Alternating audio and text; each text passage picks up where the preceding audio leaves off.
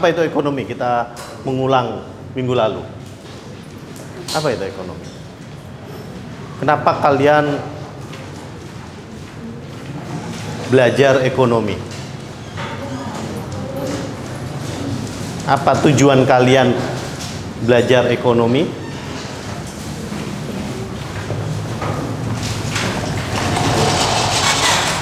Tujuannya apa belajar ekonomi?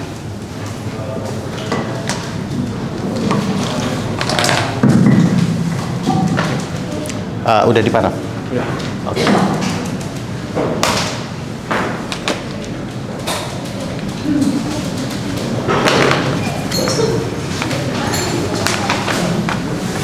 Apa tujuan ekonomi? Apa tujuan kita mempelajari ekonomi? Manajemen sumber daya. Karena sumber daya terbatas, ya, sumber daya terbatas di mana kita menginginkan sesuatu yang tidak terbatas, sehingga kita harus mengambil pilihan. Ada pilihan-pilihan, kemudian kalian diminta atau kita diminta untuk mengambil keputusan. Jadi sekali lagi ada sumber daya, ada want atau need, ya. Kemudian yang terjadi adalah kalian harus membuat yang namanya economic choice. Karena ini terbatas. Oke, ini tidak terbatas. Jadi kita mulainya dari sini. Nah, kemudian di sini ngambil keputusan. Sama dengan ngambil keputusan ya.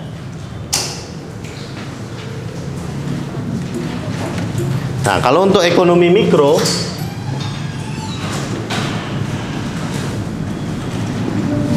ekonomi mikro, bisa lihat kan?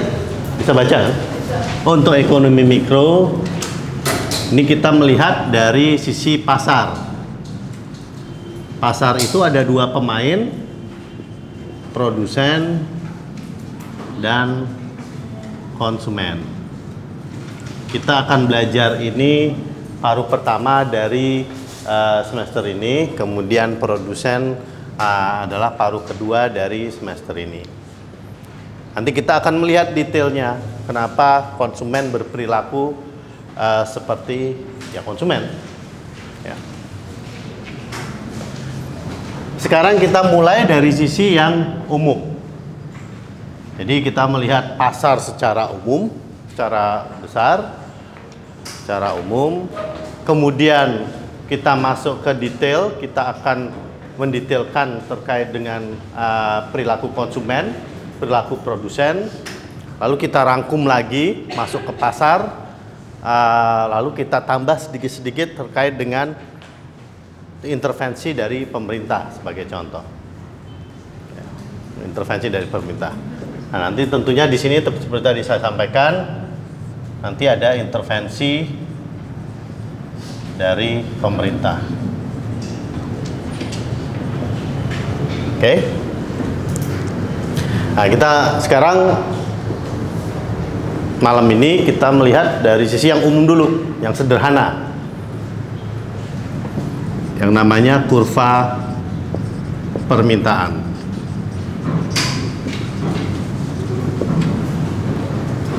Kurva permintaan.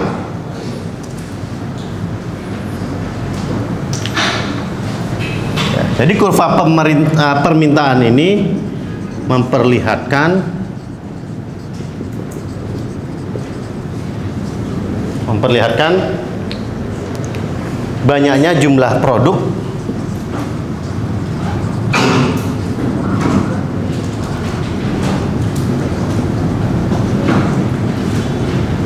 jumlah produk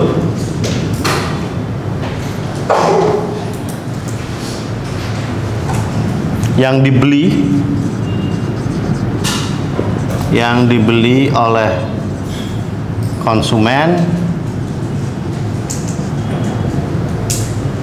untuk setiap kemungkinan harga.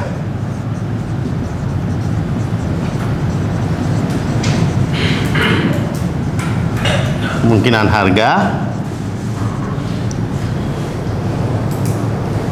Nah, tentunya menjaga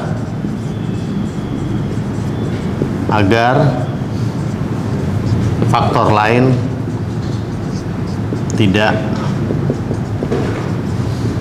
berubah.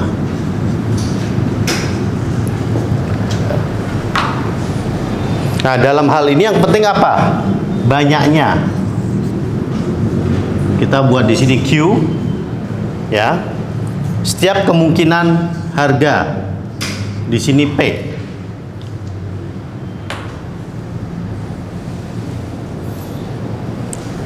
Jadi tentunya kita ingin melihat dari satuan waktu. Oke. Jadi kurva permintaan itu bisa satuan waktu. Satuan waktu itu tidak harus satu hari permintaan kacang panjang atau e, kacang rebus satu hari. Bisa saja permintaan dari e, handphone dalam satu tahun bisa saja atau teh botol, permintaan teh botol dalam satu minggu, ya. Jadi makanya disebut satuan waktu. Ini semacam snapshot, cep, cep, bukan film, tapi semacam uh, foto. Foto pada suatu waktu kan di di foto tuh, cek gitu. Nah di situ ada permintaan dari konsumen yang memperlihatkan uh, banyaknya jumlah produk yang dibeli untuk setiap kemungkinan harga.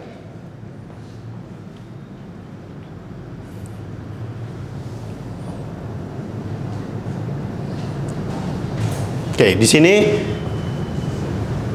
saya memperlihatkan uh, yang namanya kurva demand. Atau per, kurva permintaan dan demand bahasa Indonesia dan bahasa Inggris dicampur aduk kalau kayak gini kurva permintaan.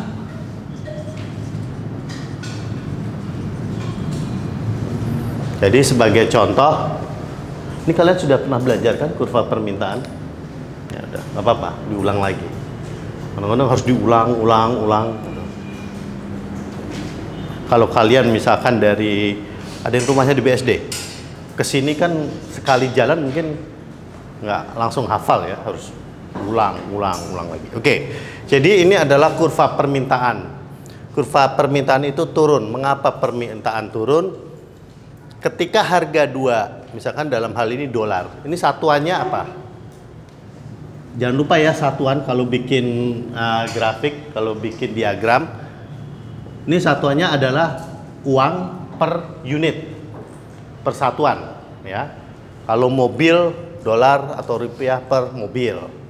Kemudian kalau kalau apa? Kalau teh manis mungkin satu rupiah per sendok teh manis. Eh, bukan sendok ya, satu cangkir teh manis. Nah di sini adalah satuan, tidak hanya tidak uh, dalam bentuk uang. Oke, jadi jangan lupa sekali lagi jangan lupa setiap grafik itu dibuat satuannya. Dibuat ya dibuat satuannya. Ah, kok satuannya? Sumbunya ini mencerminkan apa? Seringkali saya lihat di UTS UAS atau uh, di quiz PR pun kalian tidak mencantumkan ini. Ketika kalian tidak mencantumkan ini saya nggak tahu ini kurva apa. Karena kita di ekonomi ini kita akan belajar berbagai macam kurva ya. Berbagai macam kurva. Seperti yang saya jelaskan minggu lalu bahwa ekonomi itu kita lihat yang dari sisi yang lebih terbuka. Seringkali kurva yang bersentuhan itu adalah kurva uh, titik di mana uh, kita menemukan solusi yang paling optimal. Nah, kalau seandainya kalian tidak mengidentifikasi ini, saya nggak tahu ini kurva apa. Walaupun di sini kurva permintaan, ini angkanya angka apa, mencerminkan apa, ya. Jadi sekali lagi ketika kalian menjawab suatu pertanyaan di UTS, UAS dan lain sebagainya, anggap aja saya bodoh. Kalau kalian jalan dari BSD ke sini tidak ada apa? eh, palang, kan kalian tidak tahu arahnya ke mana. Ini jalan-jalan biasa aja. Lama-lama kalian karena terbiasa, oh ini memang jalan ke ke Atmajaya. Tapi awalnya kan saya kalau saya eh, sebagai apa penumpang di mobil kalian kan saya bingung. Ini ke mana nih kok nggak ada arahnya? Nah ini adalah salah satu untuk memperlihatkan, oh ini satuannya jumlah, jumlah dari eh, barang tersebut. Ini harga, harganya bisa dalam dolar, seperti kebiasaan saya selalu pakai dolar. Persatuan, jangan jangan hanya dolar, ya, jangan hanya dolar, karena nanti kita akan belajar terkait dengan biaya. Biaya itu hanya dolar. Biaya-biaya itu satuannya dolar atau rupiah, uang. Jadi supaya lebih jelas ini adalah satuannya dolar per unit. Oke. Nah, kemudian kita melihat gradien. Kalian sebutnya apa di sini? Gradien atau slope? Oh, lebih uh, slope ya. Slope atau kemiringan, biasanya disebut kemiringan. Oke, kemiringan.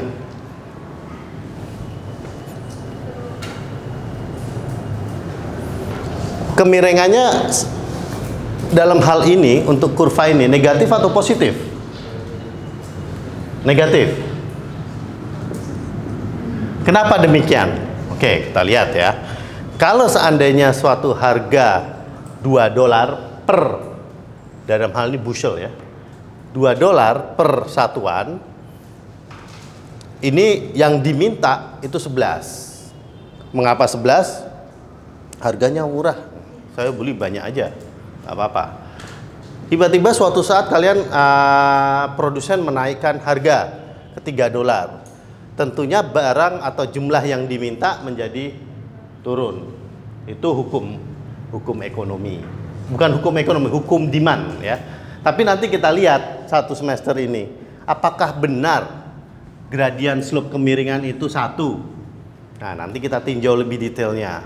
Ya, jadi untuk sementara teorinya asumsi saat ini barang normal dan seterusnya itu gradiennya kemiringannya satu. Eh, maaf negatif. Dalam hal ini kemiringannya berapa? Gradiennya berapa? Kalau slope matematika dasar. Di sini yang IPA siapa? Cuma satu. IPS semuanya IPS. Yang lain IPS. Kalau IPS, IPS juga belajar lah ya gradien itu apa, slope itu apa. Ya, kan kalian baru saja keluar dari ekonometrik, seharusnya tahu lah matematika dasar. Kemiringan itu adalah kalau saya menggunakan bahasa Inggris, rise over run. Berarti naik terus vertikal horizontal. Berarti dalam hal ini berapa? Naiknya berapa? Dari 2 ke 3. 1 dibagi runnya ini kan naik dari sini ya. Kalau 2 itu 11, kalau 3 itu 9. Jadi turunnya 11 minus eh, 11 kurangi 9 pinter. Jadi minus. Jadi slope-nya adalah setengah. Karena ini akan penting ketika kalian uh, kalau ketika kita nanti bicara tentang elastisitas, sensitivitas terhadap harga. Ada pertanyaan? Gampang itu Pak. Kalau itu saya bisa dapat ini, bisa dapat uh, 100 di ujian. Ya kalau untuk ini bisa mungkin. Tapi persoalan ekonomi kan tidak hanya ini saja. Oh, tapi nanti di UTS UAS kan gampang. Wah, nggak ada uh, satuannya di sini, nggak ada sumbunya, saya kurangi satu. Oh, nggak ada sini, kurangin satu. Jadi uh, ini latihan kalian untuk menjadi seseorang yang sempurna, sempurna dalam mengerjakan suatu soal ya. Karena kita lihat dari hal yang kecil. Jadi intinya ketika kalian mena, uh, uh, ketika kalian melihat bahwa harga tersebut tinggi, maka demandnya uh, menjadi rendah. Jadi semakin harga tinggi, semakin uh, kuantitas yang diminta adalah rendah. Oke. Nah, kalau ini ini adalah pergeseran. Ya, ini mencerminkan mencerminkan uh, titik uh, butir yang pertama. Ya. Jadi memperlihatkan banyaknya jumlah produk yang dibeli oleh konsumen untuk setiap kemungkinan harga. Jadi kalau harganya cuma satu sekian, harga dua sekian, harga tiga sekian, harga empat sekian, harga lima sekian, harga enam sekian dan seterusnya harga tujuh.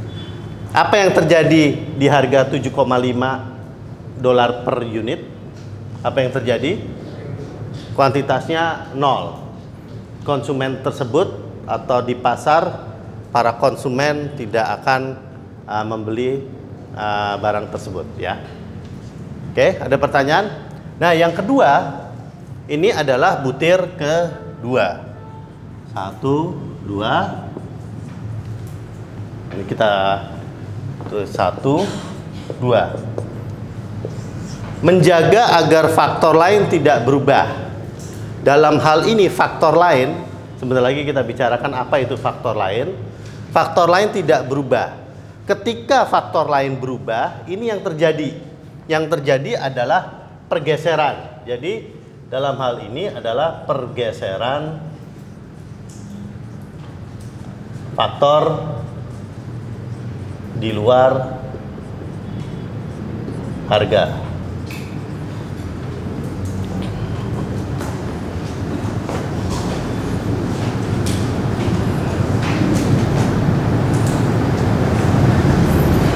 Uh, di luar harga barang tersebut.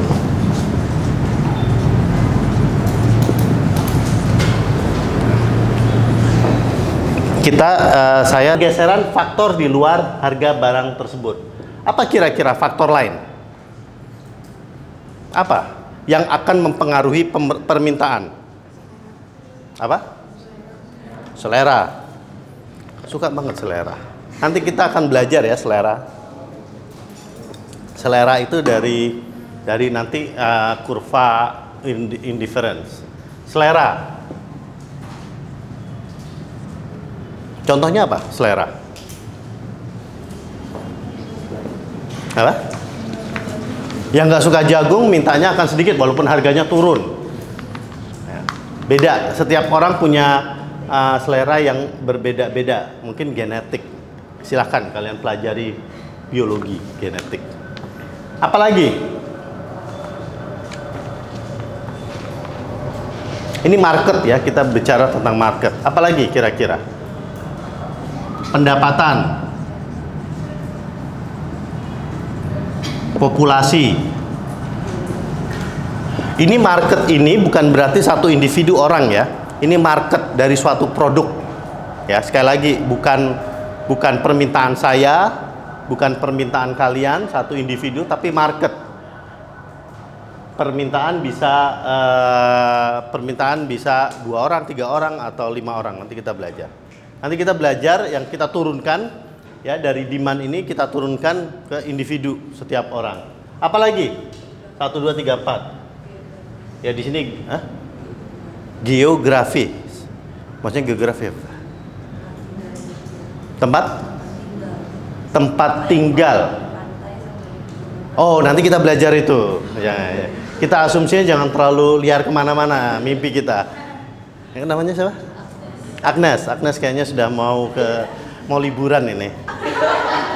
Nanti kita akan belajar yang namanya eksternalitas, positif dan uh, negatif. Nah, Agnes sudah pengen belajar, udah pengen berlibur. Ya, nggak apa-apa, itu bagus. Tapi Agnes ini udah maju ke depan, sudah sudah masuk ke semester depan kalau nggak salah. Nggak apa-apa, oke. Okay. Nanti saya ingetin ya saya kalau kalau udah kita bicara tentang uh, pantai. Apalagi? Hmm? Pajak. Nah, nanti bicara kita pajak di sini. Tapi pajak itu adalah intervensi pemerintah. Ini adalah interaksi antara penjual dan pembeli. Yang saya kemarin sampaikan, ini barang private, spidol ini, ini saya akan jual ke Anom misalkan, Nanti pada saat itu kan ada transfer. Jadi tidak ada intervensi dari pemerintah. Apalagi kira-kira? Kalau tadi apa jeruk tadi? Jeruk ya? Oh jagung. Biaya pemasaran, jangan terlalu kayak bisnis. Apalagi? Eh, biaya pemasaran itu masuk ke kos, ya. Biaya eh, apa? Pemasaran itu nanti masuk ke biaya dari sisi produsennya, dari kacamata produsen. Tapi kita ingin melihat dari kacamata konsumen. Tadi apa tadi? Barang substitusi, maksudnya harga dari substitusi tersebut kan? Harga substitusi. Kalau kita suka jagung, tiba-tiba barang uh, substitusinya apa? Barang substitusi dari jagung, Hah? ayam atau apa? Barang substitusi enggak itu? Atau komplement? Jagung, jagung dan ayam itu komplement. Kalau di Kentucky Fried Chicken kan ada jagung, ada ayam. Jadi barang substitusi tersebut, ya. contohnya kalau di mana di Jakarta uh, antara mobil dan mungkin transportasi umum MRT, ya kalau MRT semakin murah, apa yang terjadi dengan penjualan mobil seharusnya secara teori turun, permintaan dari mobil tersebut akan turun. Ya. Ada lagi barang substitusi atau barang dari komplement. Apa contohnya barang komplement? Saling melengkapi. Nah, benar. Kalau bensin semakin naik, makin tinggi katakan bensin sekarang berapa? Sekarang berapa sih bensin? Saya udah nggak pernah ngisi bensin. Biasanya supir saya ngisi bensin. Berapa sekarang? 8 ribu? 9 ribu? Oh, masih 7 ribu. Oh, berapa? 7 ribu. Sekarang bensin 7.000. Tiba-tiba nanti pemerintah menaikkan uh, bensin menjadi uh, 100.000 per liter. Wah, kalian kan berpikir dua kali naik motor atau naik mobil. Jadi permintaan dari motor dan mobil jadi turun. Oke. Okay? Ini yang akan kita pelajari dalam uh, beberapa minggu ke depan.